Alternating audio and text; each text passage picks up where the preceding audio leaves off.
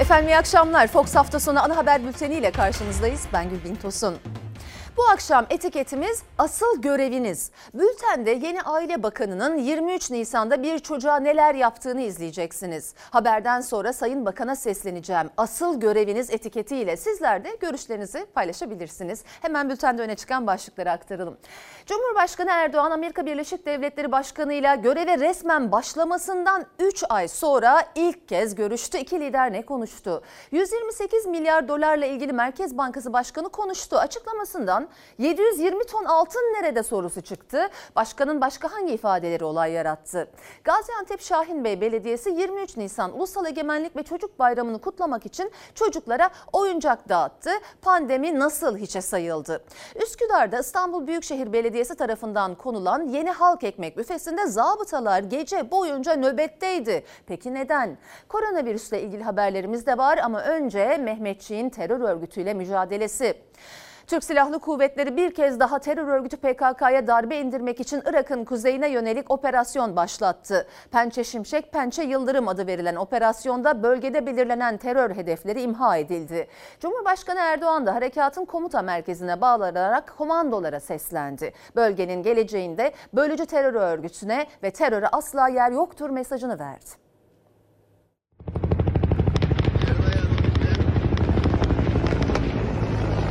Terörün kökünü kazımakta ve vatandaşlarımızı terör belasından tamamen kurtarmakta kararlıyız.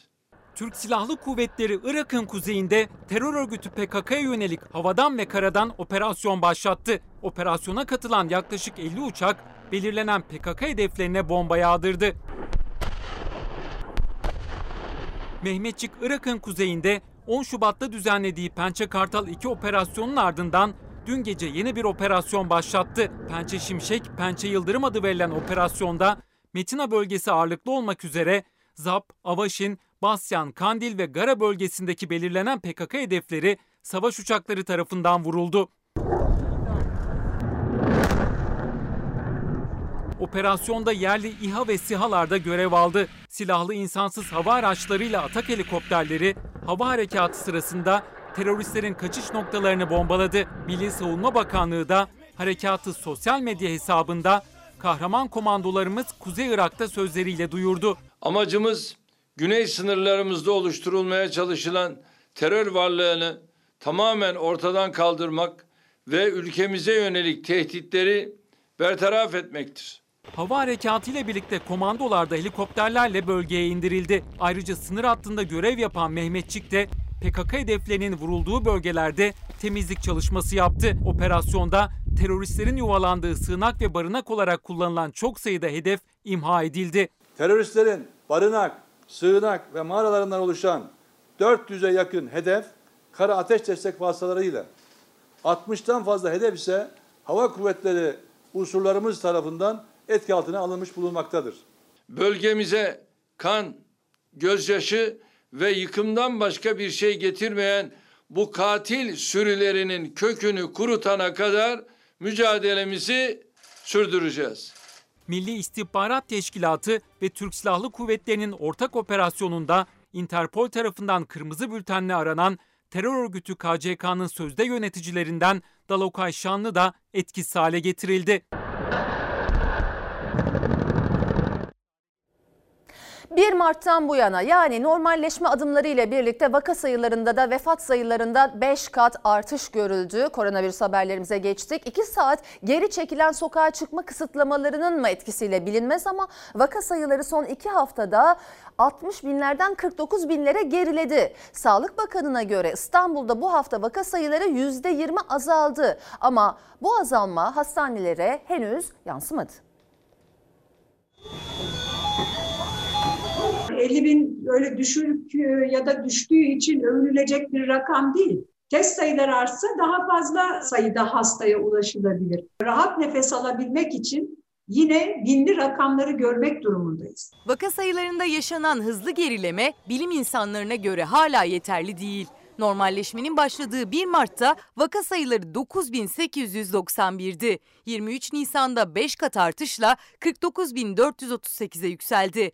1 Mart'ta hayatını kaybeden 69 kişi varken son tabloda bu sayı 5 kat artışla 343'e yükseldi. Sağlık Bakanı'na göre İstanbul'da vaka sayılarında %20 düşüş var. İçinde bulunduğum gün de dahil acil servisler dolu, hasta yatıramıyoruz.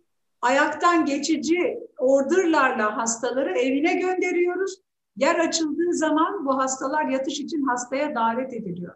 Biz henüz o yüzde yirmi azalmayı e, klinisyen olarak hastanelerimizde göremiyoruz. Profesör Doktor İftar Köksal'a göre test sayısı artarsa vaka sayısı da artmaya devam edecek. Üstelik testten kaçan mutasyonlar da olabilir. Özellikle son iki haftadır testi negatif olmasına rağmen COVID kliniğine yatırdığımız hastalar var.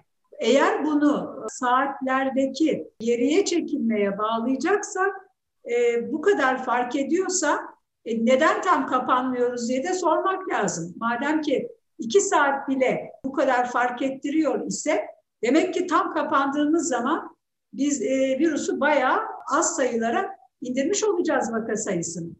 Ağır hasta sayısındaki artış devam ediyor. 1 Mart'tan bu yana ağır hasta sayısında %186 oranında artış var. Yoğun bakım servisindeki doluluk nedeniyle doktorlar hastaların seyir durumuna göre risk almak zorunda kalıyor. Yoğun bakımda e, klinik olarak biraz iyileşen hastaları e, servislere alarak durumu daha kötü olan hastaları yoğun bakımlara veriyoruz. Aslında birkaç gün daha yoğun bakımda kalabilecek hastalar bunlar. Sağlıkçılar yorgun, hastaneler doldu taştı. Yalnızca rakamlardan ibaret olmayan can kayıpları ise hala çok yüksek. 1907 Fenerbahçe Derneği üyesi iş insanı Mehmet Faruk Türköz de koronavirüse yenik düştü. Tıpkı Selüloz İş Sendikası eski genel başkanı İsmail Önay gibi. Nevşehirli eski hakem 52 yaşındaki iki çocuk babası Murat Bozkurt da Covid-19 nedeniyle hayatını kaybetti. İstanbul'da yaşayan öğretmen Bilge Karabulut, karnındaki 7 aylık bebeğini kaybettikten bir saat sonra koronavirüs nedeniyle hayata gözlerini yumdu. İki çocuk annesi 39 yaşındaki Bilge öğretmen ve bebeği Üsküdar'da toprağa verildi. Ben gerçekten yalvarıyorum buradan. Bir an önce randevularını alsınlar ve aşılarını olsunlar.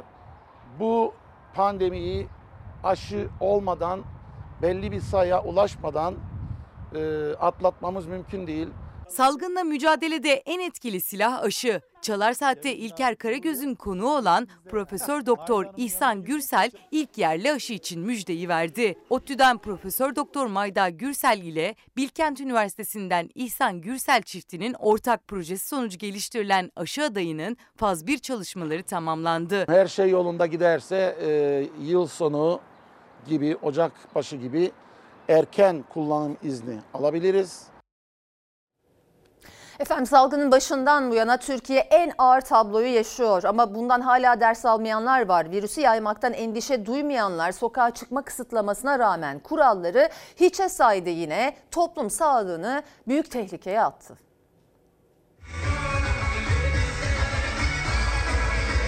Ne kurallar ne yasaklar onları durdurabildi. Maskesiz, mesafesiz bir araya gelerek virüsü yaymaya devam ettiler.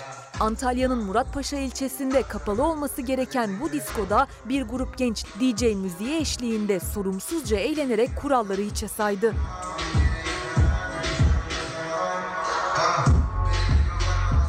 82 saatlik sokağa çıkma kısıtlaması sürüyor ancak konulan hiçbir kural onlara engel olamıyor. Hayatını kaybedenlerin, yaşam savaşı verenlerin sayısı bu kadar artmışken salgının başından bu yana Türkiye en ağır tabloyu yaşarken virüsü yaymaktan endişe duymadılar.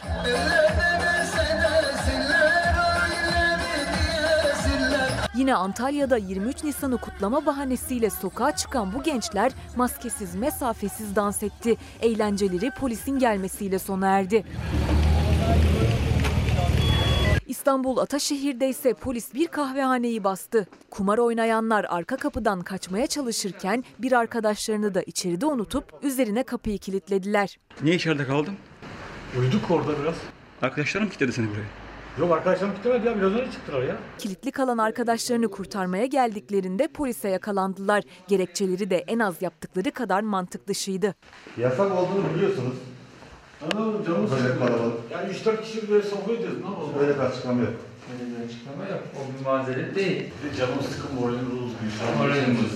Komiserim yanlış anlamayın da hani sokağa çıkma yasağı var dediniz ya. Hani Evet. Biz burada oturuyorduk yani. Kapalı olması gereken bir mekan doğru musunuz? Canım sıkıldı öyle muhabbet. Tamam canın sıkkınsa biz de bununla ilgili olarak ceza işlemi uygulayacağız. Bursa İnegöl'de kuralsızlığa ceza keserken polisin de kurallara uymaması dikkat çekti. İki polisin de maskeleri çenelerinin altındaydı. Niye rahatsız ediyorsun ki bizi? Yok yok psikolojik niye baskı yapıyorsun ki? İkide bir kamera gözümüzde. Ne yapmışız ki abi ikide bir çekiyorsun yarım saattir? Ayıp senin yaptığın ha. Aksaray'daysa polis ceza kesmekte kararlıydı. Sürücü ne dediyse ikna edemedi. En yakın markete gitsin diye. Memur Bey anlatamıyorum abla. Biz anlıyoruz. Elimde hediye kartı olanlar. Bizim orada olmayan bir market. Hafta içi alabiliriz. Hafta içi çalışıyoruz. Eşiniz dostunuz vardır onlardan aldırabilirsiniz. Eşim dostum, eşim var eşim de çalışıyor. Dostlarınız var, arkadaşlarınız var. Dostum yok benim. Ben yabancıyım zaten. Ben buralı değilim ki. Dilekçe yazarsınız. Valiliğe sunarsınız. Valilikte bize iptal edin derler. İptal ederiz. Polisle arasında geçen bu diyaloğun ardından sürücü bu vicdansızlık diyerek isyan etti. Bu vicdansızlık yani tamam. Evet. Biz ne yiyeceğiz ne içeceğiz Allah aşkına. Normale baktığınızda bu vicdansızlık olur. Tamam vicdansız. Ee, Daha önce de belirtmiştim polislerimizin görevini yaparken adaletli olmaları gerekli. Hak eden de var, hak etmeyen de var çünkü. Sayın seyirciler Cumhurbaşkanı Erdoğan Amerika Birleşik Devletleri Başkanı Biden'la telefonda görüştü. Böylece iki lider Biden'ın göreve resmen başlamasından 3 ay sonra ilk kez görüşmüş oldu. Görüşmenin zamanlaması da dikkat çekiciydi. Erdoğan ve Biden Amerika liderinin sözde soykırım iddialarını resmen tanıyacağı iddialarının hemen ardından görüştü. Bir son dakika gelişmesi de var hemen aktaracağım haberi izleyelim. Cumhurbaşkanı Erdoğan'la Amerika Başkanı Biden arasında ilk görüşme telefonda gerçekleşti. İki lider Haziran ayındaki NATO zirvesinde yüz yüze görüşmeyi kararlaştırdı. Congratulations Mr. President. Joe Biden, Kasım 2020'de yapılan seçimde Amerika Başkanı seçildi. 20 Ocak'ta resmen koltuğa oturdu. Biden, göreve başladıktan 3 ayı aşkın bir süre sonra Cumhurbaşkanı Erdoğan'la ilk kez temas kurdu. İki lider dün akşam saatlerinde telefonda görüştü. Cumhurbaşkanı Erdoğan, FETÖ'nün ABD'deki varlığı ve ABD'nin Suriye'de PKK-PYD terör örgütüne verdiği destek gibi konuların çözüme kavuşturulmasının Türk-Amerikan ilişkilerinin daha ileri seviyelere taşınması için önemli olduğunu ifade etti. Görüşmenin zamanlaması dikkat çekiciydi. Amerika Başkanı'nın 24 Nisan'da Ermeni soykırım iddialarını resmen tanıyacağı bir süredir Amerikan medyasının gündemindeydi. Erdoğan-Biden görüşmesinin ardından Beyaz Saray'dan iki cümlelik kısa bir açıklama yapıldı. 1915 olaylarının soykırım olarak tanınacağına dair bir ifade yer almadı. İki liderin yüz yüze görüşme konusunda anlaştığı belirtildi. Erdoğan'la Biden ikili ve bölgesel konuları ele almak üzere Haziran ayındaki NATO zirvesinde ikili görüşme yapma konusunda anlaştı. Kısa süre sonra Amerikan medyasına görüşmenin perde arkası sızdırıldı. Görüşmeye yakın bir kaynağa dayandırılan habere göre Biden Cumhurbaşkanı Erdoğan'a 1915 olayları için soykırım ifadesini kullanacağını söyledi. Biden'ın açıklaması beklenirken Erdoğan, Türkiye Ermenileri Patriği Saak Maşalyan'a 1915 olayları mesajı gönderdi. Türklerle Ermenilerin yüzyıllarca süren ve insanlığa örnek olan birlikte yaşama kültürünün unutulmasına izin veremeyiz. Tarihçilerin yapması gereken tartışmaların üçüncü taraflarca siyasallaştırılarak ülkemize yönelik müdahale aracı haline getirilmesinin kimseye bir faydası olmamıştır. Bu her seferinde belli çevreler Türkiye'yi sıkıştırmak için kullanıyorlar. İşin özü şu tabii. Yani Türkiye'nin izlediği yanlış dış politikanın bir anlamda maliyet olarak yansıması. Kritik görüşme sonrası Ankara-Washington hattında yoğun telefon trafiği yaşandı. Dışişleri Bakanı Çavuşoğlu, Amerikalı mevkidaşı Blinken'la Cumhurbaşkanlığı Sözcüsü İbrahim Kalın da Amerika Ulusal Güvenlik Danışmanı Sullivan'la görüştü. Yalanlar sadece tarihi çarpıtmıyor, masum canları da alıyor. Ermeni terörünün şehit ettiği mesai arkadaşlarımızı unutmadık. Asla unutmayacağız. Rahat uyusunlar. Hiçbir yalana ve baskıya boyun eğmeyeceğiz. Diplomasi trafiği ve Washington'ın 1915 olayları için yapacağı açıklama Amerika Dışişleri Sözcüsü Porter'a soruldu. Porter, yarın bir açıklama bekleyebilirsiniz dedi. E, haberi aktarırken son dakika gelişmesi var demiştim. Çok önemli demiştim. Gerçekten öyle hemen aktarıyorum. Amerika Birleşik Devletleri Başkanı Joe Biden beklenen 1915 olayları açıklamasını az önce yaptı efendim. Biden yaptığı yazılı açıklamada 1915 olayları için soykırım ifadesini kullandı. Suçlamak için değil tekrarlanmasın diye söylüyoruz dedi. Üzerine söylenebilecek çok şey var ama çok yeni. Bakalım yeni açıklamalar gelecek mi bizim hükümetimizden? E, gelirse sizlerle paylaşacağız bülten içerisinde.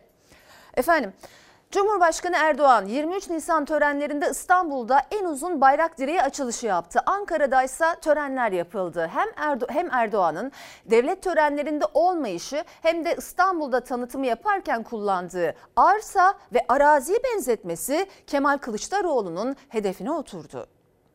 Toprak eğer uğrunda ölen varsa vatandır.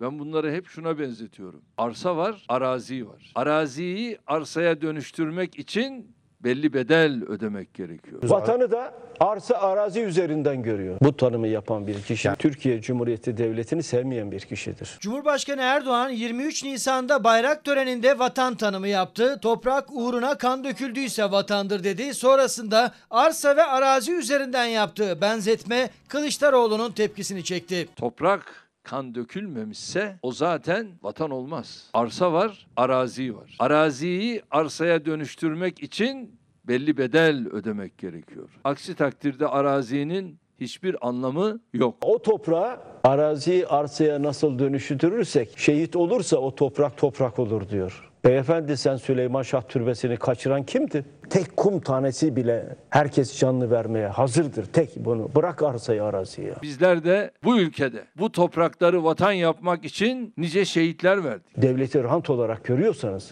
soyulacak bir organ olarak görüyorsanız ve yandaşlarınızı devletin sağladığı bütün imkanlarla besliyorsanız e, vatandaş görmüyor mu bunları? Bu millet sandıkta hesap sormak istiyor. İki lider arasında tek polemik konusu vatan tanımı üzerinden de çıkmadı. Cumhurbaşkanı Erdoğan 23 Nisan törenleri Ankara'da yapılırken İstanbul'daydı. Bayrak direği açılışı yaptı. Kılıçdaroğlu'nun hedefi oldu. Bayrakları bayrak yapan üstündeki kandır. Türkiye Büyük Millet Meclisi kuruluşunun 101. yılında özel bir toplantı yapıyor. Cumhurbaşkanlığı koltuğunda oturan kişi o gün ayrı bir toplantı yapmaz. Bu ne demektir? O kişi Türkiye Büyük Millet Meclisi'ne saygı duymuyor demektir. Devletin tarihine saygı duyması gerekir. Bir milli bayram daha siyasette tartışmaların odağına böyle oturdu. Siyasetin cevap aradığı soru 128 milyar dolar nerede? İktidar kanadından bu kez de Merkez Bankası Başkanı konuştu. Rezervler için yer değiştirdi ifadesini kullandı. Muhalefet ise detay istiyor. Merkez Bankası'nın tırnak içinde kaybolan rezervleri diyorsunuz ya. İşte o rezervler sadece varlık ve yükümlülük olarak yer değiştirdi. Sadece yer değiştirdi diyor. Arkadaşları anlamak da mümkün değil. Kardeşim eskiden bu 128 milyar dolar senindi. Evin var evini satıyorsun aynı evde kirada oturmaya başlıyorsun. Diyorsun benim evim var ama o ev senin değil kiralık o ev. Hırsız bir malı çalarsa o mal da el değiştirmiş oluyor. Evet varlıklar ve yükümlülükler yer değiştirmiştir. Yapılan rezerv satışları nedeniyle rezervler satılmış. Daha sonra bu rezervler satılanlardan geri alınmak suretiyle borçlanılmıştır. Bu kez söz sırası Merkez Bankası Başkanı Şahap Kavcıoğlu'ndaydı. 128 milyar dolar nerede sorusuna cevap için. Kaybolan, buharlaşan rezerv yok. Sadece yer değişimi var dedi. Finansal sistemdeki yer değişimini anlattı Kavcıoğlu. Benim rezervlerimden çıkıp bankacılık sektörünün hesaplarına döviz olarak giden parayı ben bu sefer bankaları fonlamak için TL olan ihtiyaçlarını karşılamak için o dövizleri swapla alıyorum tekrar rezervime Piyasaya TL veriyorum. Değişen hiçbir şey yoktur. Sadece varlık yükümlülük içerisinde, bilanço içerisinde yer değiştiriyor. Merkez Bankası çok sağlam bir binayı yıkmış, yerine o binanın bir benzerini deniz kumundan e, yapmıştır. 128 milyar dolar yok oldu. Kime satıldığı belli değil. 83 milyonda 218 milyar dolar arka kapıdan kimlere satıldı bunu bilmek zorundadır. Bu sefer kimlere satıldı diye başladılar. Evet. Giden para gittiği yer orası. O nerede? Dö- bankalardaki döviz hesapları. Ben Merkez Bankası olarak para kazanıyorum. 200 milyarın altında bir zararı kimse söylemiyor şu ana kadar. Kamu zararı. CHP lideri kamu zararı var dedi. Açıklamaları yeterli bulmadı. 128 milyar dolar bilmecesi hala çözümsüz. Muhalefet rezervin peşinde. Aslına bakarsanız ortada 128 milyar dolar diye gerçekle ilişkisi olan bir rakam yok. Bu yalansa niye pankartı indiriyorsun? Hesabını veremeyeceğini biliyorsun. Dört kalemde 165 milyar dolarlık bir rakam ortaya çıktı. En sonunda kabul ettiler. 128 milyar dolar arka kapıdan birilerine satıldı. Hangi kur üzerinden satıldı? Şimdi bunun cevabını vermek zorundalar. Bu verilerin yayımlanmasında fayda görüyorum. Tabii ki takdir e, Merkez Bankası'nın. Dünyada böyle bir veri açıklaması söz konusu değil. Siz bireylerin veya firmaların bilgilerini nasıl açıklayabilirsiniz? Bugüne kadar gizli kalsaydı biz kimseye bir 128 rakamını söylemedik. Kimseye böyle bir işlem yapıldığını söylemedik. Öyle iddia ediliyor. Peki bu arkadaşlar bunları nereden buldular? Merkez Bankası bilançosundan ne kadar rezerv satıldığını hesaplayabiliyoruz. Ama hiçbir bilançoda kurun kimlere, hangi tarihlerde satıldığı yer almaz. Bugün sorulan soru kurlar kime, hangi fiyattan, hangi düzeyden ve hangi tarihlerde satıldığının açıklanmasıdır. Onun da kaydı var. Çıkaracağız bunları. Reel sektörden hangilerinin döviz borcu pozisyonlarını kapattıkları da bunları da bizim söylememiz olmaz ama o şirketler kendileri açıklayabilir. TÜSİAD var, müsiyat var, top var. Kuruluşlar kendi üyeleri bu dövizlerinizi de kimler aldı? Reel sektör diyoruz. Türkiye'nin reel sektörü belli. Bu rezervler konusunda da iş dünyasının da bence taraf olması gerekiyor. Eğer 2020'de bu talepleri karşılanmasaydı o kredilerini kapatamazlardı. Uluslararası borçlarını ödeyemezlerdi. O varlıklara sahip olamazlardı. Başkan Kavcıoğlu iş dünyasına seslendi. Taraf olmaları vurgusuyla sözleri çok çarpıcıydı. Ekonomide yeni polemik altın rezervi. Merkez Bankası Başkanı rezervi 720 ton olarak açıkladı ama tepki sesi gecikmedi. Muhalefet Başkan Kavcıoğlu'nun iddia ettiği gibi rezerv yok dedi. Kendi rakamlarını 420 ton olarak paylaştı. CHP lideri Kılıçdaroğlu da Merkez Bankası Başkanı Kavcıoğlu'nun pandemi kimsenin burnu kanamadan atlatıldı sözüne sert çıktı. Türkiye'nin yurt dışındaki bütün altınları Türkiye'ye getirmiştir ve 120 ton olan altın bugün 720 tondur. 720 değil 709 ton. Ancak Sayın Başkan'ın söylemediği başka gerçekler var. Merkez Bankası'nın buna karşılık 195 ton altın yükümlülüğü var. Bilanço içi altın pozisyonu 514 ton. Merkez Bankası'ndaki 128 milyar dolar 720 ton altına dönüşmüş. Aklınızda mı oynuyorsun? 720 ton altın 128 milyar doların karşılığı mı? Karşılığıysa Nerede bu 720 ton altın? Siyasette yeni polemiğin adı altın rezervi 128 milyar dolar tartışmalarının gölgesinde Merkez Bankası Başkanı Şahap Kavcıoğlu altın rezervini açıkladı. O rakam iktidar ve muhalefeti karşı karşıya getirdi. Şu an 90 milyar dolar rezervimiz var. Bu rezervin %40'ı 40'ın üzerinde altın rezervi. Bugün 720 tondur. Merkez Bankası'nın swap biçiminde altın yükümlülükleri var. Yaklaşık 94 tonluk bu altın yükümlülükleri düşünce Merkez Bankası'nın net altın pozisyonunun 420 ton olduğu e, anlaşılıyor. 720 ton değil. Merkez Bankası Başkanı altın rezervi gibi döviz işlemlerinde de kar vurgusu yaptı. Muhalefeti söyletti. Aldığım dövizleri 2019-2020'de daha yüksek kurla piyasaya verdiğim için arada kar ettim. Artı o dövizler karşılığı TL piyasadan çektiğim için şu an o TL'yi de piyasayı fonlamak için satıyorum her gün. Oradan da faiz geliri elde ediyorum. Buralardan kar ediyorum. Dünyada hiçbir merkez bankası Merkez Bankası'nın karlılığıyla övünmez. Merkez Bankası'nın kar ettiği yerde kaybeden piyasadır, kaybeden üretimdir. Kar etti diyorsunuz.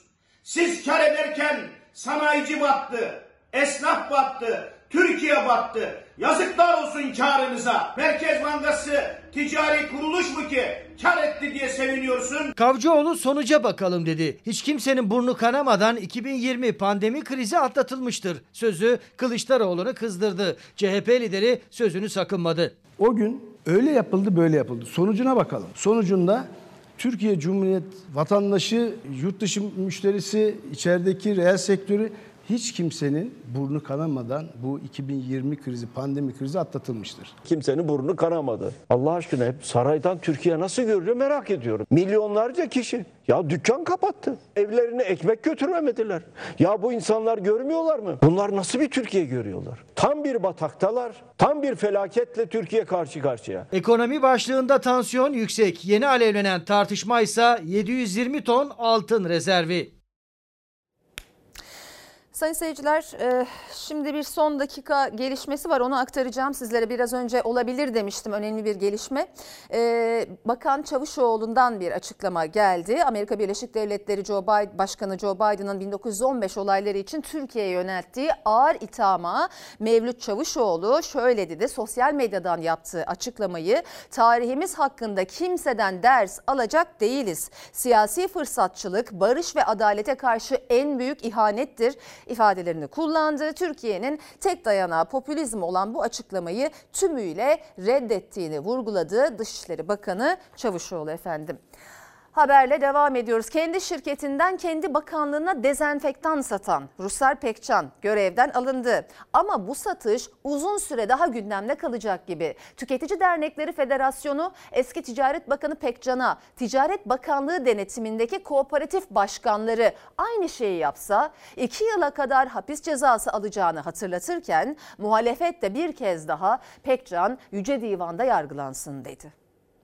Bakanlık koltuğundan aldık tamam konu kapandı demek olmaz. Ruslar Pekcan'ın Yüce Divan'da yargılanması gerektiğini düşünüyoruz. Ruslar Pekcan Ticaret Bakanı olmayıp yine kendi bakanlığının denetlediği bir kooperatif başkanı olsaydı bunun bir cezası var. 3 aydan 2 yıla kadar hapis cezası ve 50 günden 500 güne kadar da adli para cezası. Kendi şirketinden Ticaret Bakanlığı'na dezenfektan satan bir bakan değil, kooperatif başkanı olsaydı alacağı ceza buydu. Muhalefet Ruslar Pekcan'ın da Yüce Divan'da yargılanmasını istiyor. Sayın Bakan'ın ihaleye fesat karıştırmaktan ve görevi kötüye kullanmaktan yargılanması gerekiyor. Kendi şirketinden kendi bakanlığına dezenfektan satan Ruslar Pekcan görevinden alındı. Bir de savunma metni yayınladı ama tartışma sürüyor. Tarihe dezenfektan skandal olarak geçti. KDV hariç 507.880 liralık dezenfektan Nanoxia Biyoteknoloji firmasından ilgili mevzuatın emredici hükümleri çerçevesinde gerekli tüm ürün fiyat araştırmaları yapılarak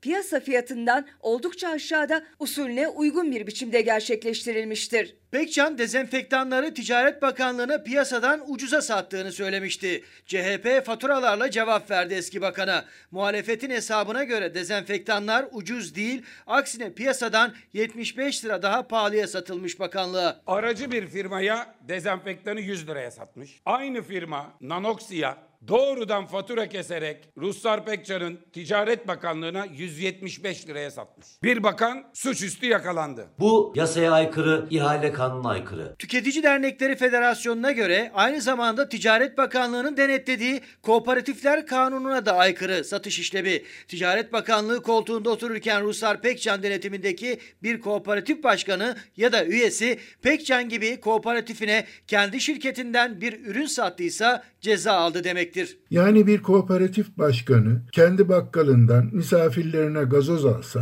bunun da fişini e, muhasebeye koysa 3 aydan 2 yıla kadar hapis ve 50 günden 500 güne kadar da adli para cezasıyla cezalandırılırlar. Ahilik kültürüyle bağdaşmayan fırsatçılık yapanları denetimlerini bakanlık olarak gerçekleştiriyoruz. Ticaret Bakanlığı eğer kendisine bağlı bir kooperatifi denetlerken en ufak bir 10 liralık 20 liralık bir fişin kooperatif başkan ve yöneticilerinden geldiğini kanıtladığı takdirde savcılığa suç duyurusunda bulunuyor. AK Parti ve MHP bu konuda samimi ise yolsuzluklara karşı mücadele etmek istiyorsa Yüce Divan'da yargılanması için bizimle birlikte hareket ederler. CHP Ruslar Pekcan için yargı düğmesine basılması gerektiğini düşünüyor ve AK Parti ile MHP'ye çağrı yapıyor. Sayın seyirciler bir izleyicimiz diyor ki Twitter'dan artık insanlara gerçekleri, siyasette dürüstlüğü, ahlaklı bir yaşam sunmanız asıl göreviniz diye e, iktidara sesleniyor, siyasetçilere sesleniyor efendim. Devam ediyoruz. Kripto para vurgunu soruşturması devam ederken bir batık haberi daha geldi. Muğla merkezli kripto para borsası firması battı. Yöneticisi gözaltında. 2 milyar dolarla yurt dışına kaçan Faruk Fatih Özer ise hala aranıyor. Bir kripto para borsası şirketi daha battı. Muğla merkezli şirket kripto para faaliyetlerini durdurdu, kullanıcılar işlem yapamamaya başladı. İki kullanıcı firma sahibinin villasına girmeye çalıştı. Masak firmanın Türkiye'de bulunan tüm finansal kuruluşlardaki hesaplarına bloke koydu. Şirketin CEO'suyla birlikte 3 kişi daha gözaltına alındı. Kripto paradaki denetimsizlik CEO İlker Baş'ın durumuyla daha net ortaya kondu. Baş'ın yasa dışı bahis çetesinin dört elebaşından biri olduğu ve o davada halen sanık olarak yargılandığı ortaya çıktı. Yurt dışına kaçan Faruk Fatih Özer hakkındaki soruşturmada ise gözaltına alınanların sayısı 65'e yükseldi. Bu ülkede hizmet veriyor olmamızın şansı olduğunu düşünüyorum kendi adıma. Şahsın Türkiye'deki bankalardaki 31 milyon lirasına el konuldu. Anadolu Cumhuriyet Başsavcılığı da yazılı bir açıklama yaptı. Savcılık şirketin kurulurken başka bir isim taşıdığını ve 120 ülkede faaliyet gösterdiğini belirtti. 2 milyar dolarla kaçtığı öne sürülen Özer Arnavutluk'ta hakkında kırmızı bülten çıkarılmıştı. Arnavutluk polisi de yerinin belirlendiğini açıkladı. Kripto para borsası firmaları üzerinde düzenleyici bir yasa bulunmuyor. Merkez Bankası Başkanı Şahap Kavcıoğlu Hazine ve Maliye Bakanlığı'nın koordinesinde kripto para düzenlemesi için çalışıldığını açıkladı. Sadece yasaklayarak da bu işi halletme şansınız yoktur. Şu an bununla ilgili çalışmalar yapılıyor. İki hafta içerisinde zannedersem bir noktaya gelecek. Yani dünyada da uygulaması yok. Örnek alacağınız bir yer yok. Bir gün batarsak tüm çiftlikler, tüm hayvanlar yani bu şirketin sahip olduğu tüm mal varlıkları üyelerimize sunmuş durumdayız şu anda. Kripto para borsasındaki güvenlik açığının ilk örneği 2018 Çiftlik Bank vurgununda görülmüştü. 511 milyon dolarla yurt dışına kaçan firmanın sahibi Mehmet Aydın, kripto para ürettiği binlerce cihazın bulunduğu tesisi bir video çekerek tanıtmıştı. Ancak o günden bugüne herhangi bir düzenleme yapılmadı. Gerçekten bu işi yaptığımız için insanlar güveniyor.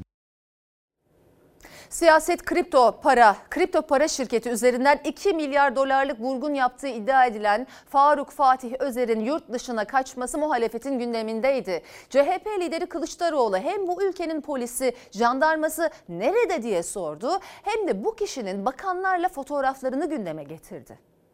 Bu adam bu vurgunu vururken Türkiye'de niye hisset çıkarmadılar da adam kaçtıktan sonra konuşmaya başladılar? Bu soru çok önemli. Çünkü kendisini izleyen kişileri de büyük bir ihtimalle besledi bu adam. 2 milyar dolarlık kripto para vurgun iddiasında Mali Suçları Araştırma Kurumu MASAK devrede. Yurt dışına kaçan kripto para şirketinin sahibi FÖ hakkında nitelikli dolandırıcılık suçlamasıyla soruşturma başlatıldı. Muhalefet ise tek başına FÖ'nün yapabileceği bir iş değil diyerek iddiaların siyasi ayağını anında ortaya çıkarılmasını istedi. Kılıçdaroğlu sert konuştu.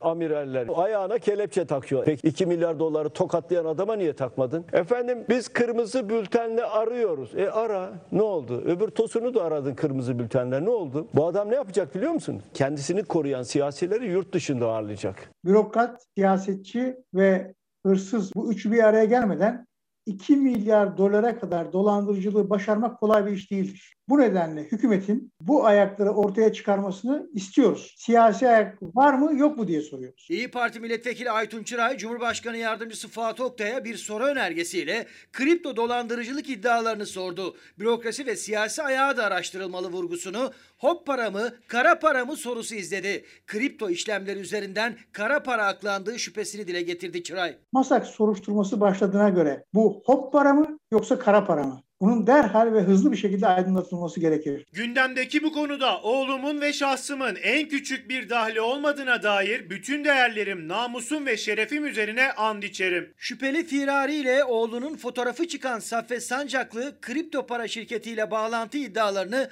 and içerek yalanladı. Ancak firari şüpheli FÖ'nün ticaret sicil kayıtlarında Saffet Sancaklı'nın oğlu MS ile birlikte kurdukları bir şirketin daha olduğu iddia edildi. Bu adam bu vurgunu yaparken neredeydi? Neredeydi bu hükümet? Bu adam pasaport veren bakanlarla beraber. Sancaklı'nın oğlu MS ile FÖ'nün Dışişleri Bakanı Mevlüt Çavuşoğlu'nun makamında birlikte görüntüleri çıkmış. Çavuşoğlu tanımıyorum demişti. İçişleri Bakanı Süleyman Soylu da bir tanıdığı vasıtasıyla FÖ'nün yazılımcı gençlere eklemlenerek geldiğini söyledi. O da tanımıyorum dedi. 16 Nisan'da yeni bir yönetmelik ortaya çıkarıyor. Uygulamasını 30 Nisan'a bırakıyor.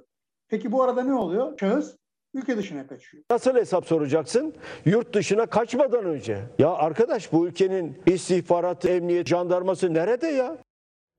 Bugün ait koronavirüs verileri şöyle. Bugün vaka sayısı 40.596, vefat sayımız ise 339. Ne yazık ki düne göre e, bütün rakamlarda, verilerde düşüş var. Onu belirtmiş olayım. Devam ediyoruz. Her 23 Nisan'ın geleneğidir. Sınırlı süreyle de olsa bakanlık koltuklarına çocuklar oturur. Çocukların bayram sevinci sembolik de olsa taçlanır. Ama Aile ve Sosyal Hizmetler Bakanlığı'nda bu yıl öyle bir skandala imza atıldı ki muhalefet yeni bakan Derya Yanık'ın görevden alınmasını istedi. Derya Yanık bakanlığın koruma evinde kalan 10 yaşındaki bir çocuğu kameralar önünde deşifre etti. Tabii Ramazan olduğu için bir şey ikram edemedik. Biraz önce sözleştik biz. Ramazan'dan sonra koruma evinde kaldığı 5 arkadaşıyla beraber bize misafir olarak gelecek. Çikolata ve çay hakkımızı o zaman kullanacağız. Gerekçesi ne olursa olsun bir çikolatayı esirgiyor olması vicdanla ve insafla açıklanamaz. Yine aileden sorumlu bakanın koruma altında olan bir çocuğun ismini ve yüzünü ve koruma kararında olduğunu ifşa etmesi de önemli bir sorumsuzluk örneğidir. Devletin korumasını aldığı koruma evinde kalan 10 yaşında bir çocuk ve yaptığı gafla hatta yasalara aykırı sayılan bir tutumla o çocuğun kimliğini ifşa eden, üzerine bir de Ramazan'ı gerekçe gösterip çikolata çay ikram edemiyoruz diyerek bayram sevincini kursağında bırakan aileden sorumlu yeni bakan Derya Yanık.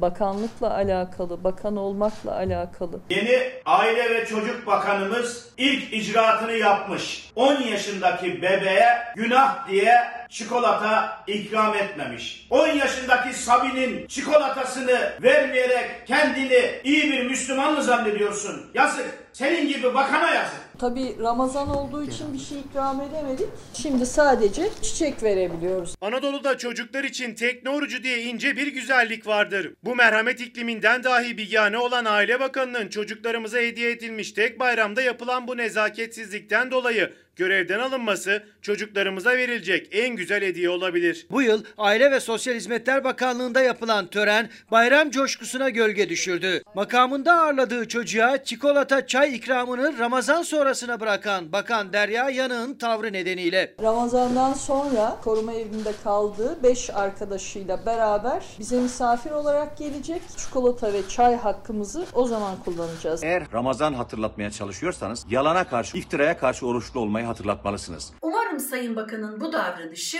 acemilikten kaynaklıdır. Eğer bir zihniyetin dışa vurumuysa asıl çocuklarımızı bu zihniyetten korumamız gerekir. Derya Yanık'ın 10 yaşındaki çocuğun sık sık ismini tekrarlayıp bakanlığına bağlı koruma evinde kaldığını söylemesi, kameraların önünde kimliğini deşifre etmesi de büyük tepki çekti. Muhalefet çocuk koruma kanununa göre gizlilik hakkını ihlal etti gerekçesiyle görevden alınmasını istedi bakanın. Koruma altındaki bir çocuğumuzu ifşa etmesi ve hatta kameralar önünde küçük düşürmesi bakan olarak görevin gerektirdiği yetkinliğe sahip olmadığını açık ve net bir biçimde gösteriyor. Bizim e, koruma evlerimizde kalan bir kardeşimiz gerçekten koltuğu hak eden bakana devrettim ben de. Böyle bir günde kendi makamınızı teslim ettiğiniz bir çocuğun mahzunluğuna sebep olduğunuz için özür dileyin lütfen. Bakana tepkiler devam ederken 23 Nisan onuruna Cumhurbaşkanı İstanbul'da Huber Köşkü'nde iftar sofrasında yine koruma evlerinden gelen çocukları ağırladı. Meğer hepsi.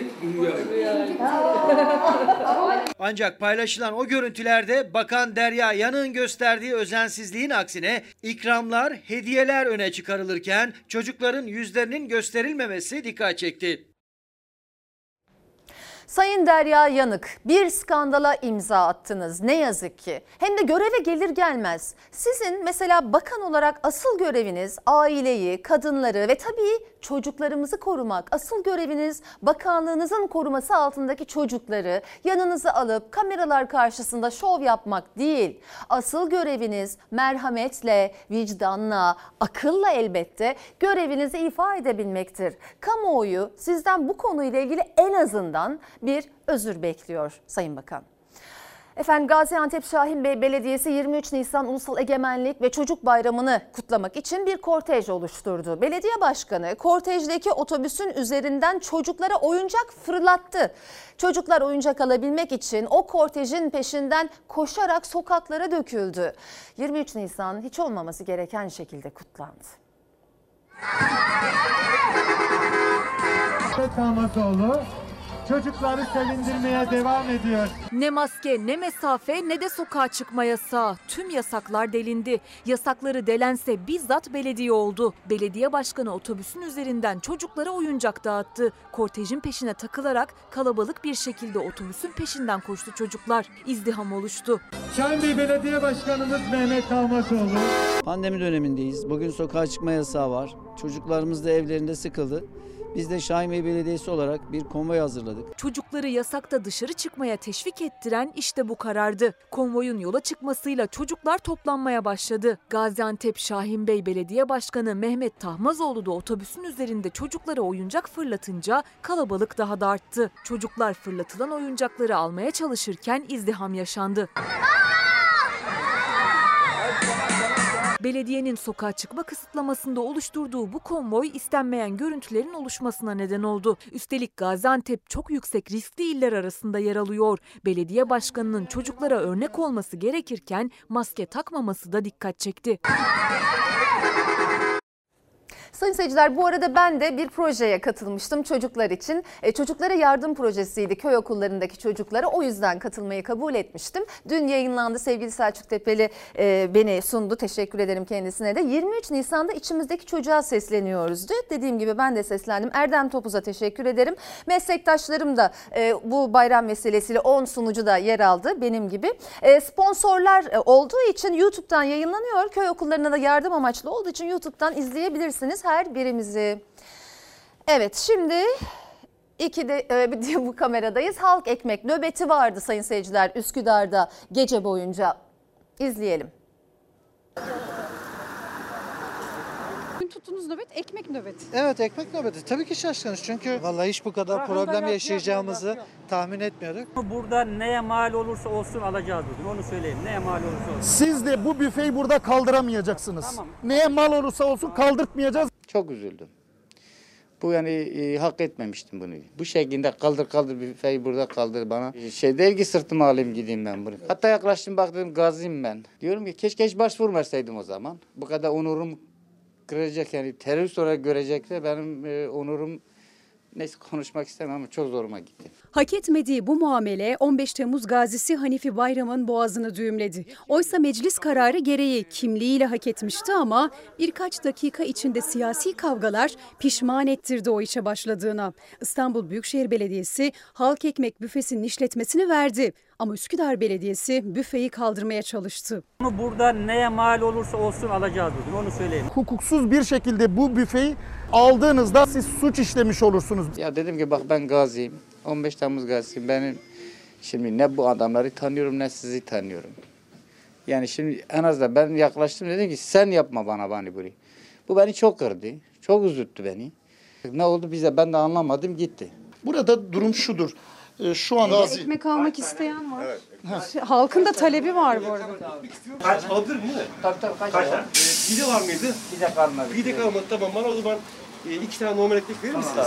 Yeni açıldı galiba değil mi burası? bugün açıldı. Bugün açıldı. Pide olmuş ya. Zaten mahallede bayağı memnun oldum. Biz o zaman burada neyi tartışıyoruz? Ee, biz neyi tartışıyoruz? Biz Üsküdar Belediyesi'nin keyfi tutumunu tartışıyoruz. Biz 70 yaşında insan ta halk ekmek almak için ta nerelere gidiyoruz yani? Ayıp diye bir şey var. Hayır kaldıramazlar. Madem öyleyse kaldıramazlar. Niye konmuş? Olur mu öyle saçma şey ya? İstanbul'un talebi yeni büfelerin açılması yönündeydi. Bu yüzden İstanbul Büyükşehir Belediye Meclisi'nde tüm partiler oy birliğiyle karar verdi. Ama bu oy birliğine rağmen Üsküdar Belediyesi yeni büfelerden birinin Bulgurlu'da açılmasına izin vermedi. İşte bu nedenle İstanbul Büyükşehir Belediye zabıta ekipleri de nöbette. Üsküdar Belediye Meclis üyelerinin tamamının belediye başkanının da oy kullandığı oy birliğiyle belirlenen bir noktadan bahsediyoruz. Üsküdar Belediyesi neden, ne amaçla ve hangi karara dayanarak büfeye karşı çıktı belli değil. Ama nöbet gecede devam etti. İstanbul Büyükşehir Belediye zabıtaları iftarını da büfe nöbetinde yaptı. Alınan tüm kararlara ve belgelere rağmen Üsküdar Belediyesi zabıta ekipleri büfeyi kaldırmakta kararlı olduklarını açıklayınca İstanbul Büyükşehir Belediyesi'nin zabıta ekiplerinin sayısı da saatler geçtikçe arttı. Saatler 22'ye doğru yaklaştı ve görüldüğü üzere büfenin önüne zabıta araçları da çekildi. Oy verdikleri halde pişman da olabilirler. İdare mahkemesine giderler. O meclis kararını iptal etmeye çalışırlar. Zorbalıkla, keyfiyetle, siyasi emirlerle, telefonlarla yönetilemez. Halk ekmek satışı ise İstanbul Büyükşehir Belediyesi'nin gözetiminde ve nöbetinde devam edecek. 2 milyar maaş alıyorum. Kiram var bilmem neyim var. Çalışıyorum. Ben nasıl geçiniz ya? Bunu düşünen var mı? Bırakıp millet alsın ya. Dilenecek mi yani? Efendim o kadar güzel mesajlar attınız ki süremiz kalmadı okuyamadım özür dilerim. İzmir Veteriner Hekimleri Odası Yönetim Kurulu Başkanı Gökhan Özdemir'le görüştüm. Şu bilgileri aldım bugün. Bugün Dünya Veteriner Hekimler Günü. Ne yazık ki ülkemizde veteriner hekimler göz ardı ediliyor. Sağlık çalışanı olmalarına rağmen sağlık sınıfı sayılmıyorlar. Biliyor muydunuz ülkemizde Covid-19 aşı ve serum çalışması için gerekli olan SARS-CoV-2 virüsünün ilk izolasyonunu yapan kişi veteriner hekim Profesör Doktor Aykut Özkul. Şu anda bile yerli aşı üretimimizde görevli kendisi. Tüm veterinerlerimizin bu özel gününü, veteriner hekimlerimizin bu özel gününü kutluyorum. Ve her zaman olduğu gibi yeni etkili hayvan hakları yasası hemen diyerek araya gidiyorum. Efendim Fox hafta sonu ana haber bültenini burada noktalıyoruz. Fox'ta yayın Savaşçı'nın yeni bölümüyle devam edecek. İyi bir akşam geçirmenizi diliyoruz. Hoşçakalın. Dostuma her köşesi cennetin ezilir yerler için bir başkadır benim